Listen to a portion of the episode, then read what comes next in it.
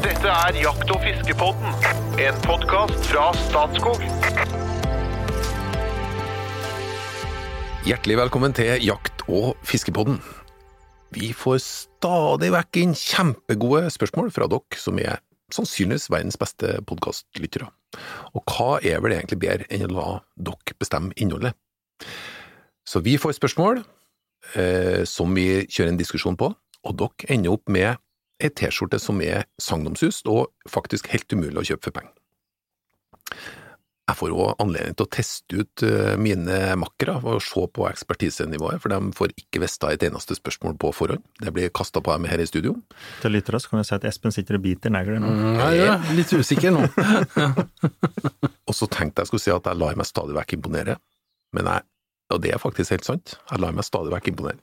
Han som var frempå nå, han er jo egentlig en ganske så innadvendt kar, men han var uvanlig langt frempå. Eh, er jo en jegerkonge fra Solør, en mann med sju frysere og jaktlyst av de sjeldne.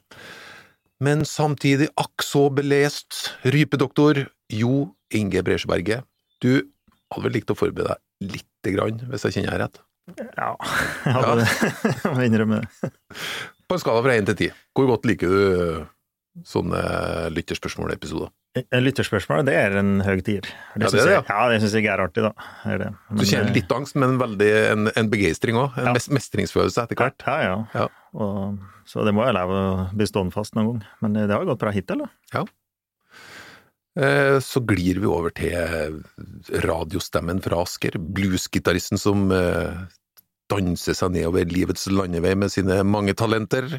Informasjonssjefen i Jegerfisk, på en skala fra én til ti, hvor godt liker du sånne lytterspørsmål-episoder? Jeg liker det veldig godt. Jeg er jo av den impulsive, uforberedte typen, sånn at jeg, jeg, jo, liker jo å ta ting på strak arm. Jeg vader alltid til eh, jeg kjenner at det sildrer litt grann under armhulen.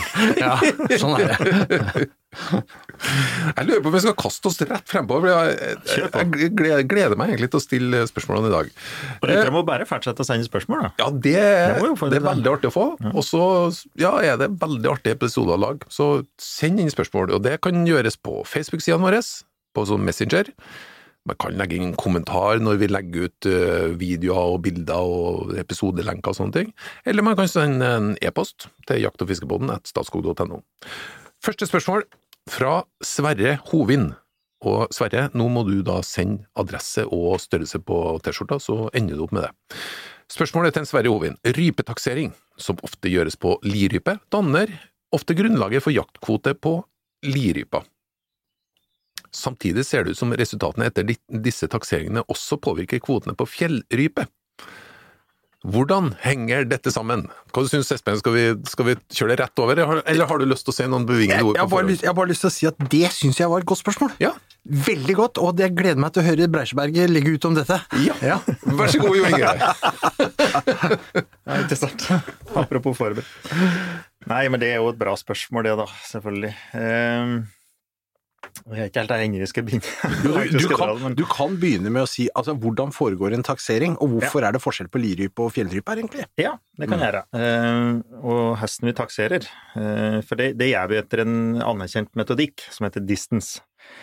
Uh, og det er på godt norsk da, avstandsmetoden.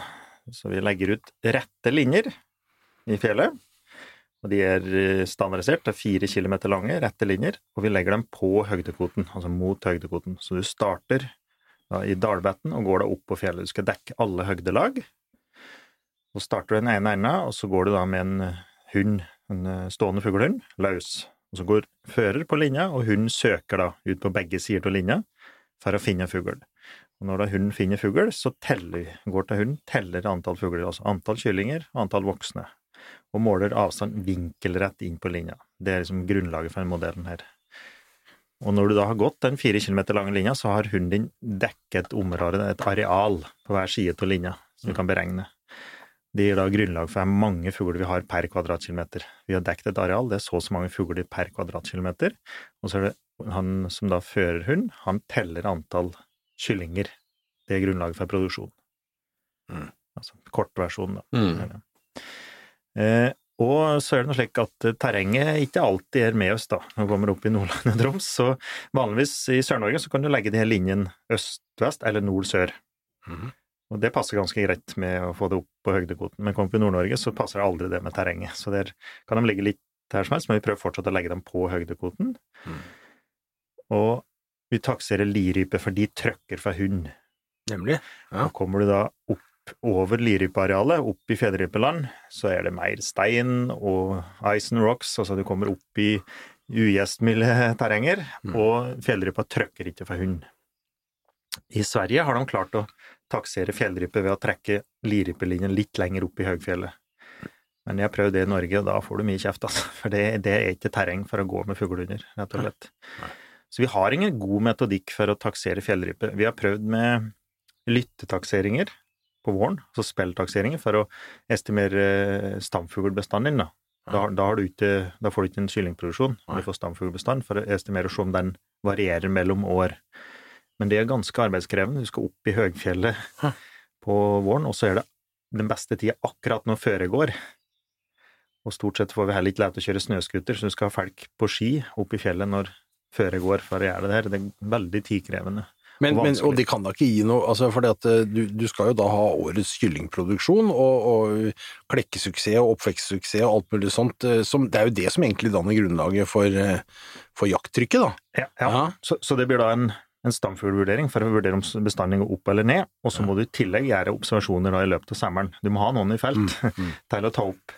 Så, så tar du opp ti fjellrypekull i et område, så har du ganske god pekepinn på produksjon. Mm.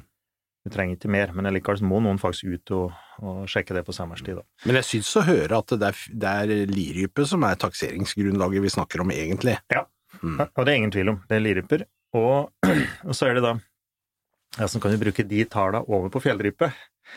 Og, og det er så enkelt så at li og fjellrype de samvarierer, altså bestanden samvarierer. De har Mhm. vanligvis, og med smågnagersykluser i, i gjengen, så er de tre til fire årssykluser med topper ca. hvert tredje-fjerde år. Mhm. Og det gjør fjellrype nå. Mhm. Eh, De har svingt på et litt høyere nivå, men fjellrypen, i likhet med lirypen, har uh, hatt en, altså en litt trøblete Altså, du sa fjellrypene har sving på et høyere nivå? Ja. Altså at for det er større mer- forskjell på eh, toppår og Tidligere, bunnår? tidligere gjorde de det. Ja. Større forskjeller. Ja. Og, men at de svingte i, for så vidt i takt, men det var på et litt høyere nivå Ok. eh, enn en lirypen. Og vi har mer fjellrypeland enn lirypeland i Norge. Ja, men vi feller jo mye mer lirype. Ja, men det er for at fjellrypa og er vanskeligere å komme til, og er høyere opp og, Og står ikke for hund. Nei, krever mer, ikke sant. Det er lettere å jakte liryper. Ja. Og de siste 20 åra, etter årtusenskiftet i hvert fall, så ser vi at eh, li og fjellrype har samvariert helt synkront. Okay. Og på takst, eh, eller på fangstresultatet så er det helt synkront, hvis du ser det. er bare gå inn på SSB og så lete opp li og fjellrype. Og det er at eh, vi er ganske sikre på at de da samvarierer, og at du da kan si er det et dårlig år på lirype, så er det et dårlig år på fjellrype. Så det er egentlig svaret Mm. på spørsmålet hans. da. Det er derfor vi, vi har ikke et bedre takstgrunnlag. Det er ikke interesse heller. Eh, Vi har prøvd å få til prosjekter for å gjøre bedre taksering på fjellrype, men det er faktisk ikke vært interesse for å, for å starte store prosjekter på fjellrype i Norge. Men har det også noe med praktisk jaktutøvelse å gjøre? Altså For å komme til fjellrypeareal, så går du gjennom lirypeareal, og- at det er litt vanskelig å skille det ene og det andre? Ja, ehm, det kan du si, for det, har gjort eh, feltforsøk med, med jegere som kommer ned til fjellet, og så, eh, som da har vist fram fangsten, og så her er du da skutt i, og det er veldig, det er ikke uvanlig at folk tar feil på li og fjellrype selv i høstdrakt. Mm. Og kommer du på vinteren, så kan det bli veldig vanskelig. For du har variasjoner i Altså, de er hvite. Mm. og uh, hovfuglen er veldig like hverandre, da. Og så kan det være blandingsflokker. Så det å begynne å si til en jeger at uh, i den grad du skal regulere vinterjakta, da, og si at du får bæreskutt fjellryper, f.eks. på vinteren Ja, Men det, nytter ikke. det nytter ikke. Nei. Men det kan vi ikke pålegge, altså. Nei. Ja vel. Bra, Sverre. Da, da fikk du fra sjølveste Norges eh, rypedoktor Fikk du høre litt om eh, hvordan hvordan henger sammen. Eh, Vi skal gå fra den, den lille rypa til storevilt. Den Fred Elias Frivold.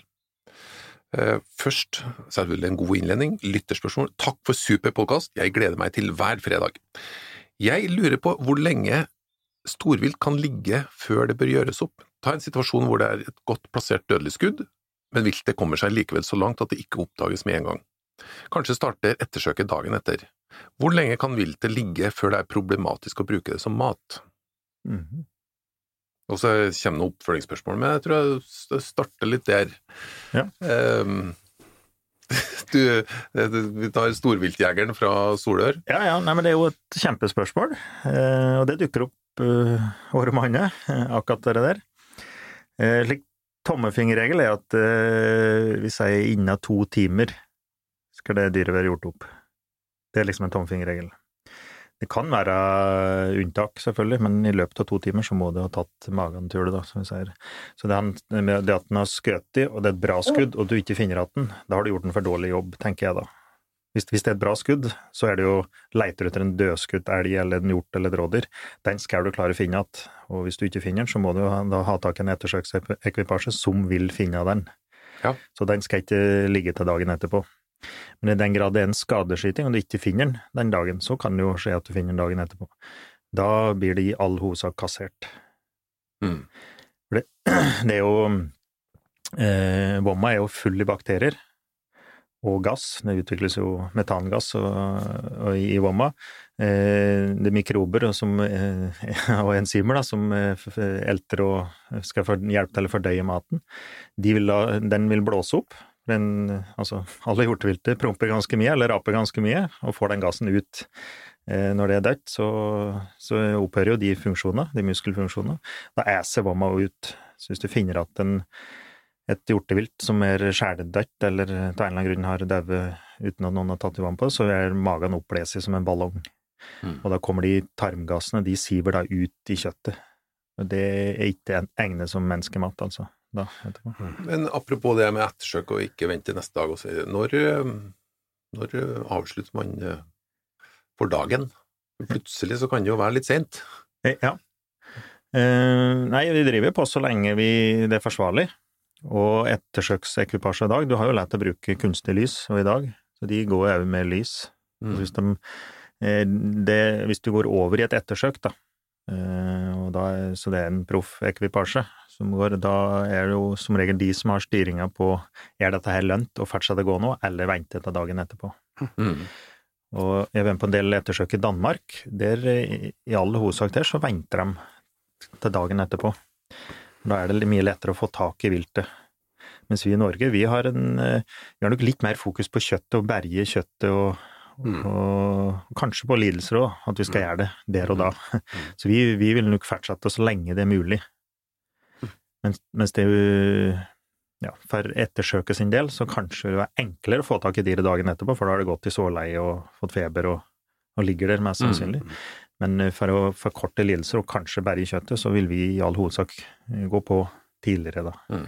Det er jo, det er jo også litt med, med jaktformen, tenker jeg Inge. For at altså altså, mye av den jakta som foregår inn mot mørket, eller til og med kanskje litt i den mørketida, det er jo type bøjakt på hjort, for eksempel, ikke sant? Eh, og hvis du skyter en hjort da, og den løper inn i skauen, Mm. så er det jo raskt i en ettersøkssituasjon, ikke sant, før du Mm. veit ordet av det, for det er liksom, det var lyst nok ute på bøen, men det er ganske mørkt inni skauen. Ja. Nå har vi jo fått tillatelse til å bruke lys på ettersøk. Veldig bra. Ja, det skal, eh, det, ja, det syns vi, fordi at eh, det dyret trenger ikke ligge mer enn 15 meter inne i skauen, det. Nei. Og det er jo for gærent at du, du på en måte ikke skal få redda det dyret. Ja, det ene er jo det, det dyrevelferdsmessige, det andre er jo som du sier kjøttverdien, da, ikke sant. Altså du har skutt en svær hjort, du vil jo gjerne ha dette kjøttet. Mm Eh, så da eh, avslutter man eh, ikke nødvendigvis fordi det er mørkt, men man kanskje bruker lys som hjelpemiddel, da.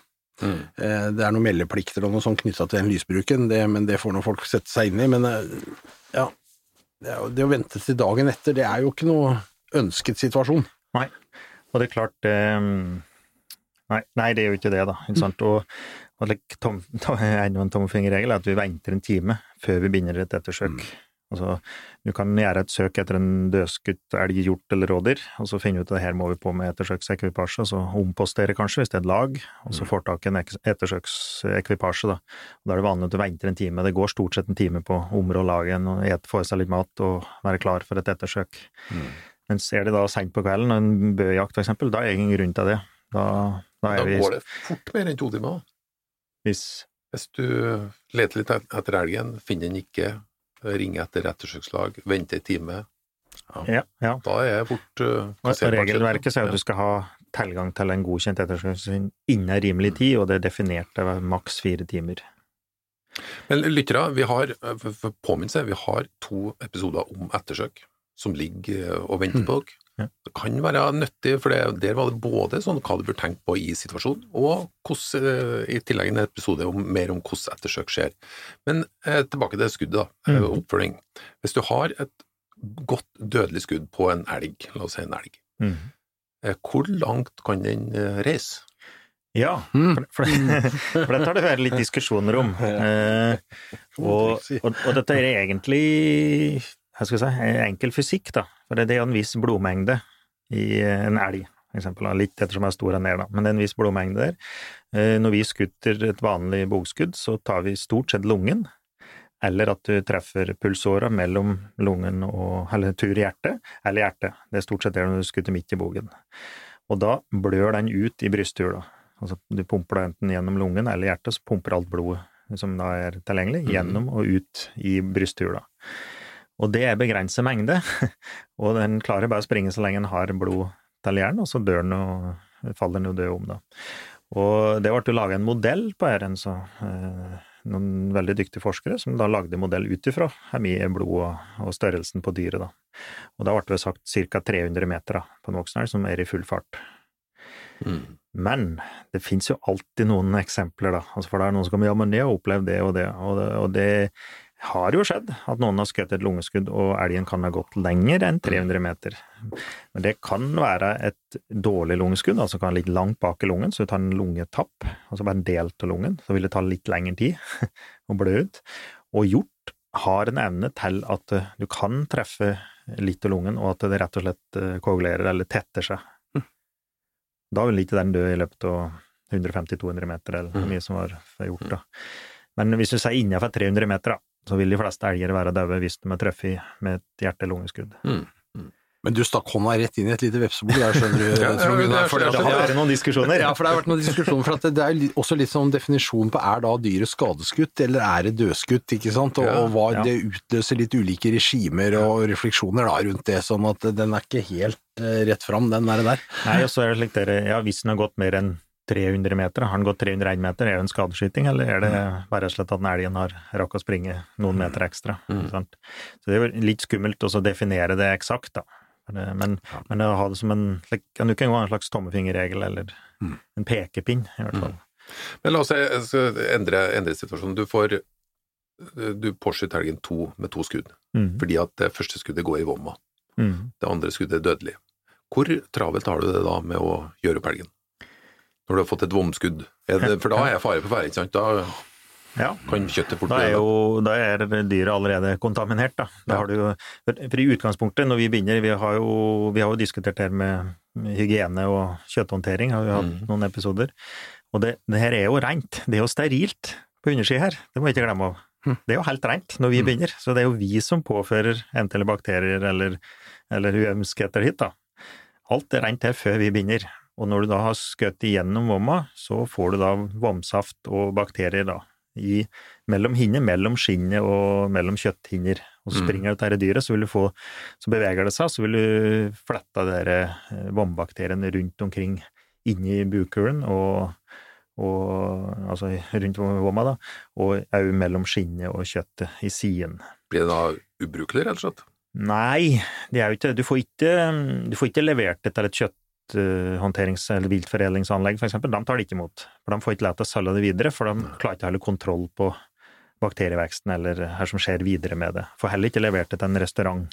Så vi har en ordning der du som vi, kaller, som vi kaller kompetent jeger, at du går et kurs, og så kan du da selge hele viltslakt til privatpersoner eller, eh, eller restauranter, for eksempel.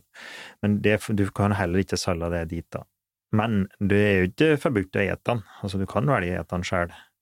Og da er det jo fortere, jo bedre, da, i prinsippet. Og det er fullt mulig å rense et slakt så at det blir pent og helt og i orden. For det, har du ett skudd gjennom vomma, og det ikke er veldig mye søl på utsyn, så vil det meste være inni, inni altså rundt magen, da. Og da er det nok en gang å være veldig nei når en da tar ut dette her, da, så at du, du søler minst mulig. Og noen er eh, kjempeflinke til å skjære av mye skinn rundt i lysken, hvis det er en okse, for eksempel. Nå skal du ha av av genitaliene, så er de veldig flinke til å skjære en diger ring rundt, og så søler du vomsaft på de kjøttfulle delene på låret. Det er jo da ikke noe særlig gunstig, da. Så det er noe med å tenke på når gøra skal ut, og søle minst mulig, rett og slett. Dette, dette husker jo jeg, Jo Inge, at du hadde en hel episode om tidligere, så det går an å lete opp akkurat den der hvordan behandle elgen, for det husker jeg var så nøye at det, det jeg tror det, episoden heter Gullstandard fra elgfall fall til fat. Akkurat. Og det, jeg følte at det var en gullstandard som ble forklart. Og dette er jo kjøttjegeren som snakker, ikke sant? For at det, nå er en ting er jakta og, og alt dette, her, men så kommer vi over i den der den kjøttjeger, Og kjøttjeger er litt sånn Det er litt sånn der Nedover i Europa så er det et skjellsord, nærmest. Ja, ja, ja, ja, ja. Men hos oss er jo dette en hedersbetegnelse. Ja, Og ut av det springer jo selvfølgelig en limerick. Ah, Ja, det gjør det. Og nå, men jeg er jo litt lei av at alle kjøttjegere flyr med rifle, så jeg prater jo haglejegerens eh, sak her, da. Om, om den heter Kjøttjegerens hverdag, den lille limericken her. En kjøttsugen jeger fra Theisen svingte hagla si eplekjekk og sveisen. Han sneik og han luska og skøyt på gehør inn i buska, men ble ikke mett av den kjøttmeisen. Nei, nei, men det er sant. er Kjøttjeger det er, en, det er mer enn skjellsord er på. Ja, men Jeg husker jeg det- begynte å For oss er det en hedersbetegnelse. Det er det en hedersbetegnelse. Ja. når jeg begynte å jakte elg, så var det litt likt dere Det var bønder som hadde travelt med potesopptaing og skulle bare bli fort ferdig med elgjakta, så ble det liksom kalt litt kjøttjeger. Det var litt litt negativt. Men nå ser jeg på det som en hedersbetegnelse. Jeg jakter for Det er maten min. Ja, ja, ja. Tuller ikke med det. Nei. Jeg kommer til en, eh, noe som kanskje noen vil oppleve som litt sånn kjøttjegeraktig aktivitet ganske snart. Vi, Ja. vi har fått et spørsmål om duejakt. Oh, oh. Men før... Det er du som skal svare på det, vel? Ja, det må jeg, jeg må fortelle det igjen. Duejakt. Det var saker, altså! Ja, ikke sant? Det var supert! det skal det bli mer av. Eh, Men eh, er du klar for et lite innsmett av eh, vanskelige valg? Ja. Valgets kval. Ja, hvis vi må, så. Ja. Og Espen svarer først. DDE eller Åge Aleksandersen? Nei, da blir det Åge. Ja, Åge. Helt klart. Nummer to. Høre en tre timer lang blokkfløytekonsert på skolen, eller se en tre timer lang golfturnering på TV? Altså, du aner ikke hvor dumt det spørsmålet er. Jeg er, eh, er eh, lidenskapelig, tus, lidenskapelig tussefløytespiller. Det er jo egentlig bare en norsk bygdevariant av blokkfløyte. Okay. Jeg har faktisk opptrådt med å spille Egil Storbekken sin Gjennom, gjennom nesa! så så det, dette har jeg Nei, så det, det valget var ikke vanskelig. Okay. Klar blokkfløyte. Ja, klar blokkfløyte. Ja, altså Golf er ikke helt store. Nei. Ikke nødvendigvis. Ok. Aldri mer fett, eller aldri mer sukker? Aldri mer sukker. Sukker er ut. Mm. Ok. kutt ut jakt og fiske i ett år, eller delta på Paradise Hotel i fire uker? Nei, da, da, da blei det vel fire uker Paradise, da. ja, du er Ja. Ja, ja. Jeg var på, jeg har vært på Ex on the Beach og jeg på Ja, tidligere ja, spørsmål. ja, Ja, ja. Ja, Paradise Hotel. Ja. Så da, dere som har med Paradise Hotel å gjøre, dere har da to aktuelle deltakere her nå. Har vi sikkert gjort det stort der. Vi glir over på noe som er nært meninga med livet, duejakt. Ja, det er meningen med livet, det. André Kjernsmo, som har kommet med ja, spørsmål skråstrek frustrasjon. Ja. Eh, da spørsmålet kom inn, ja, så var sånn Hei, duejakta er rett rundt hjørnet, og i år har jeg lovet samboeren gull og grønne skoger, så jeg har allerede startet forberedelsene med å le legge ut lokkeduer på treska åkre for å lære mer om atferden deres. Men jeg sliter med å få dem til å lande, selv om jeg legger ut lokkeduene etter alle kunstens regler. De står mot vinden i slak oppoverbakker og i en innbydende formasjon på en åker hvor det dyrkes hvete. Jeg bruker ca 30 lokkeduer. 99% av duene kommer inn for landing, men velger heller å fly sakte fem meter over duene, mens de skuer tvilsomt på dem og til slutt drar sin vei. Hva gjør jeg galt? Er duene for blanke i fargen? Er det fordi de er mm, redde for å lande på et sted hvor åkeren kun er 30 meter bred, omsluttet av et skogholt på hver side? Er det slik at det ikke lander i skyggen? Eh, Så kommer det også et tilleggsspørsmål eh, som jeg tar med en gang. Duejakta utøves ofte i nærheten av boligbebyggelse. Hva sier regelverket om hvor tidlig man kan starte? Min erfaring er at den beste tiden er fra 06 til 07.30 om morgenen i starten av jakta. Hilsen frustrert duejeger. Kan, kan jeg få begynne, Jo Inge? Det, for du har sikkert masse å si om dette, men, men så tenker jeg at det her, her um, ja, dette, det er, det er interessant. Bare for å si én ting først. da. Hvis jeg hadde lagt ut duene mine sånn, og det kommer inn masse duer sånn fem meter over som ikke slår ned, Ja. jeg hadde skutt. Altså, jeg venter ikke nødvendigvis til duene setter seg ned på bakken. Nei, nei, nei. Kommer en på skuddhold, så er en på skuddhold. Kan tenke seg at jeg holder igjen, for jeg ser det kommer flere, og jeg kunne ønske at de kom inn. og Det hender jo at duer slår ned, men altså, det er ikke alltid at forholdene er sånn til slutt. Og når jeg sier forholdene, så er det litt sånn Det er litt uh, ute av kontroll noen ganger, dette her sånn. Altså, du vet ikke alltid hvordan det blir.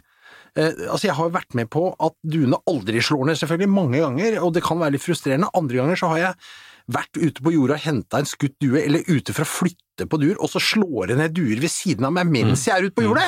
Så- så Dette er jo ikke eh, det, er ikke til å bli, det er ikke til å bli klok på, det, akkurat det der. der altså.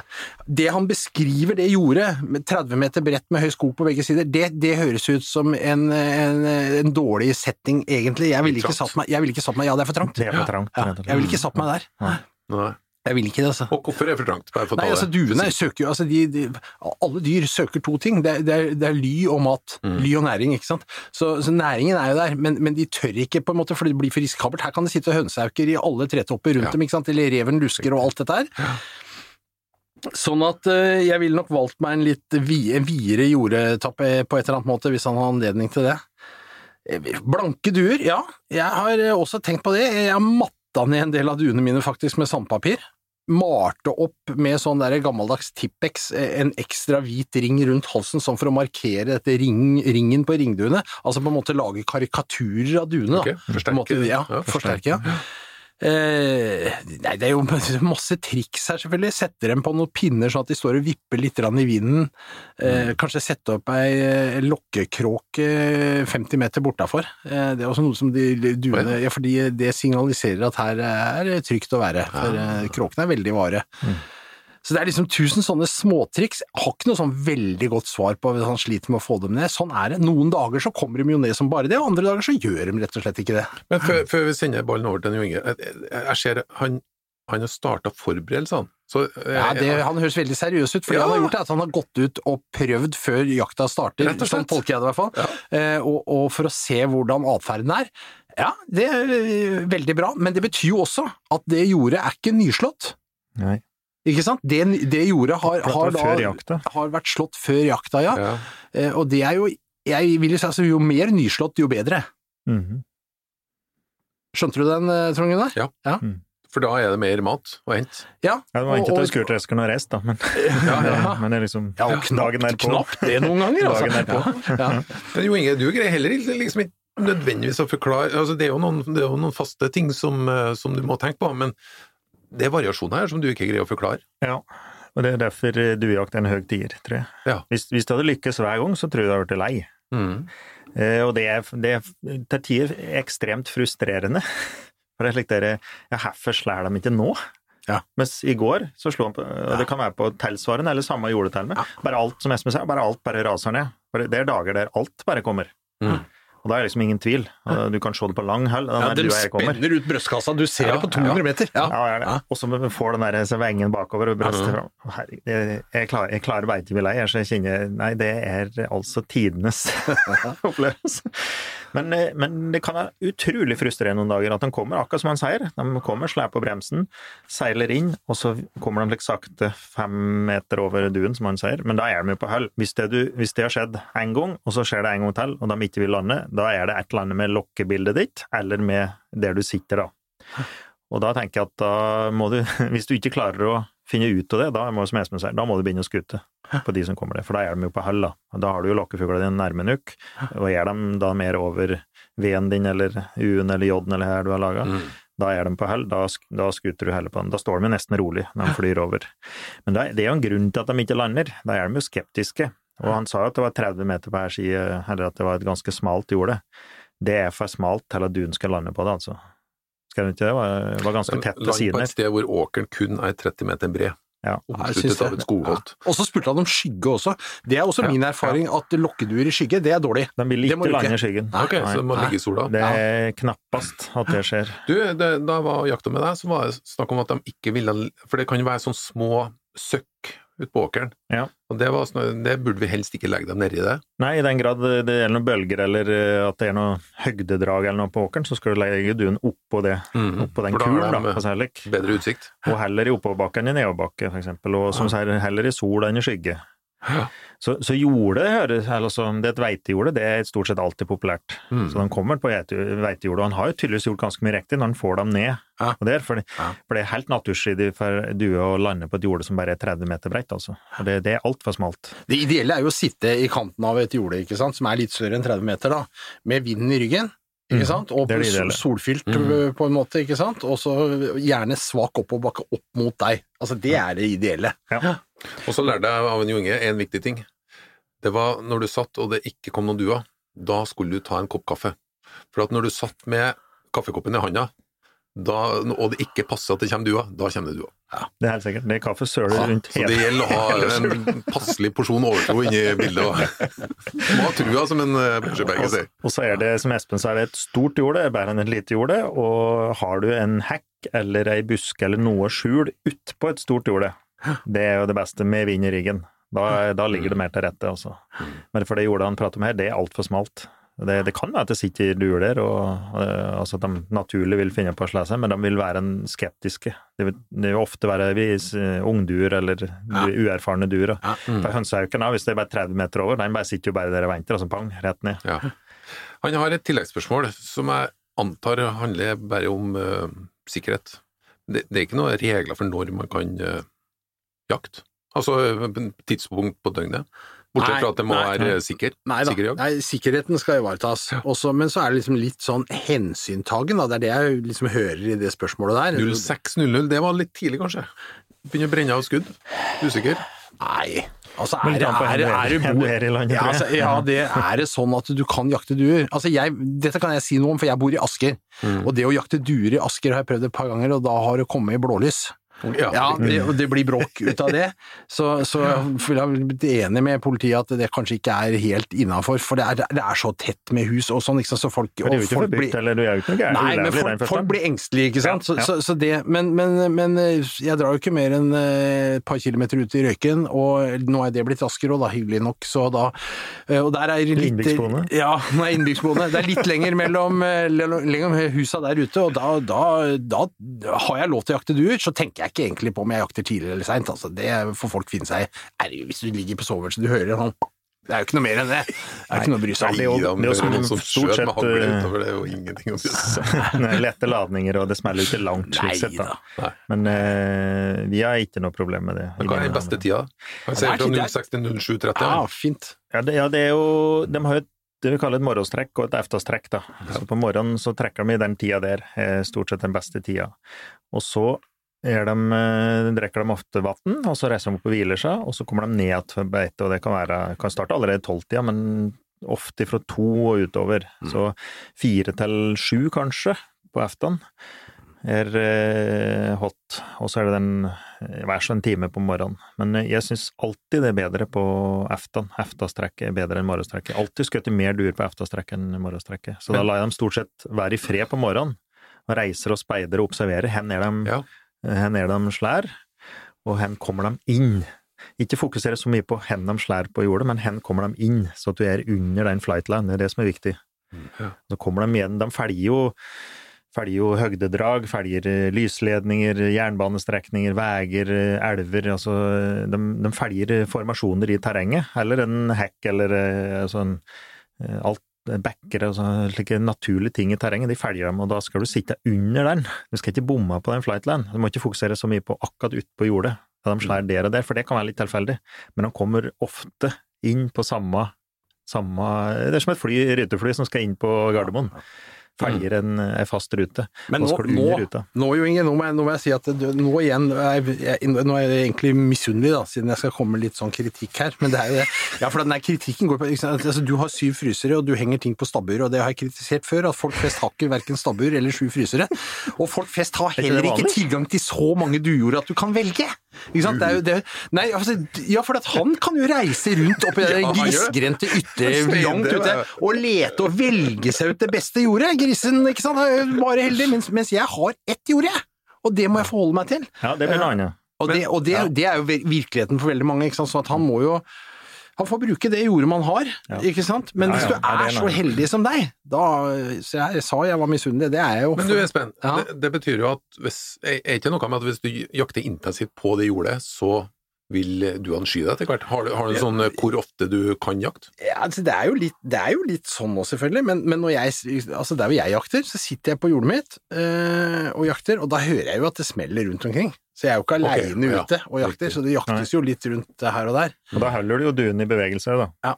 Kan du jakte flere dager på samme jordet? Ja, men jeg merker at øh, det er best til å begynne med. Ja. Mm.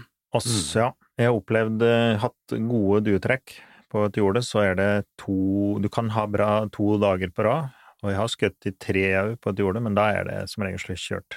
Da finner de seg et nytt. Du Enten at du skremmer dem, for da har du skutt på små flokker som kommer ned, og så har du skutt noen duer, plukket noen duer, og det virker som de lærer, rett og slett. Så noe mer enn to eller tre dager på ett jorde, det har ikke jeg opplevd å bli bra, i hvert fall. Nei. Så skal arrangere eh, rypejakt og duejakt Nei, Duejakt er jo uendelig mye morsommere. Ja, Ja, duejakt du er undervurdert, Ja, altså. er Ja. Rypedoktoren? Ja, uten tvil. Ja, det er så er interessant eh, å høre, for det, er- for det er jo det er jo ikke en veldig utbredt jaktform i forhold til rypejakt. Nei, Nei. men det er det Nei, nei, om- ja, nei, altså nå, nå må du Altså, du, duer Vi skyter altså Nå skal vi se hva vi skøyt. I fjor så skøyt vi 33 660 ringduer. Ja. 33 000 Jo, men altså, når vi snakker om uh, storfugl, så snakker vi om 9500. Det er også tre ganger så mange. Så, så det er det, det, er det, fugleviltet vi skyter nest mest av, faktisk, etter rype. Ja, eh, eh, men, men så er det jo ofte at eh, du har med deg litt flere duer hjem enn du har etter en Å ja. tur på Ja, rypefjellet. Så det er noe ja. sånn mm. Det er mange færre jegere, det Ja. er det, men fangsten per jeger er nok ganske mye høyere. Og så er det jo ikke nærende, og de det på, på ryper. Men, men jeg våger den påstanden at vi helt ukritisk kunne høste noe tilsvarende det vi er på ryper. Vi kunne høste mange flere duer enn vi er. Altså det er en bestand som er stabil eller faktisk i vekst. Det, og det er ikke mange år siden vi felte 60 000 Mm. Nei, er ringduer. Og nå er vi nede på 30. Vi har halvert fangsten. Og det er ikke for at bestanden har gått ned. Det må rett og slett være mindre jakt. Bestanden er vurdert til å være stabil eller økende. Men i mine områder så er det færre kornjorder. Altså det er flere som har blitt lagt om til gras, Ja, som er jo det dårligere. kan være en, enn- ja. ja, det kan være greit. Sant? Og så er det òg, ja, i hvert fall- i hvert fall i mine områder så er det liksom duejakt det er litt like en binder med, og så går de over til andre ting. Ja. Hvis jeg er litt ung til sinns, da, så jeg har aldri sluttet. Ja. Men, men det er vel, veldig mange som, som Duejakt for den barnslige. Ja, starter med det, og så går over til andre ting. Da. Ja. Duedoktoren. Ja. André Kjernsmo, da fikk du en runde på duejakt. For ordens skyld, hvis jeg ikke sa det, vi har en eh, episode liggende også om duejakt, som er tilegnet kun duejakt. Den må du selvfølgelig høre. Eh, Så høres det ut som du er veldig på god vei, Ha et analytisk forhold, du ønsker å lære mer. Eh, At det er en frustrasjon, det er nok bare bra, for det betyr at du vil videre. Så jeg håper du fikk med gode tips, og så må du huske på Uansett så kommer du til å få en lekker Bisken av en T-skjorte nå i posten. Send oss adresse og størrelse.